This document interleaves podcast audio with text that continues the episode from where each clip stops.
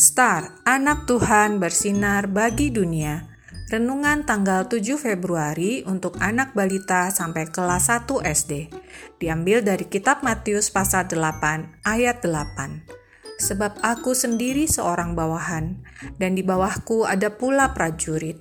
Jika aku berkata kepada salah seorang prajurit itu, "Pergi," maka ia pergi, dan kepada seorang lagi, "Datang," maka ia datang ataupun kepada hambaku, kerjakanlah ini, maka ia mengerjakannya. Tuhan menyembuhkan.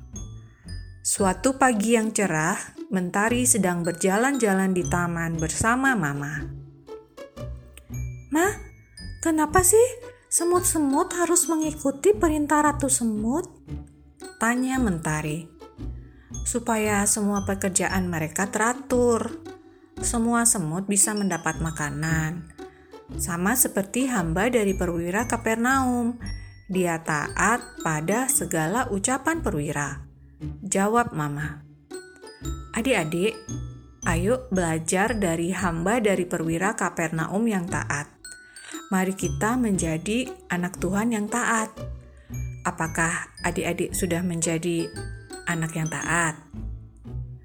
Adik-adik yang punya buku Star bisa lihat di buku alamat YouTube untuk menonton video pendeknya ya. Mari kita berdoa. Tuhan Yesus, tolong aku untuk selalu taat. Terima kasih Tuhan Yesus. Amin.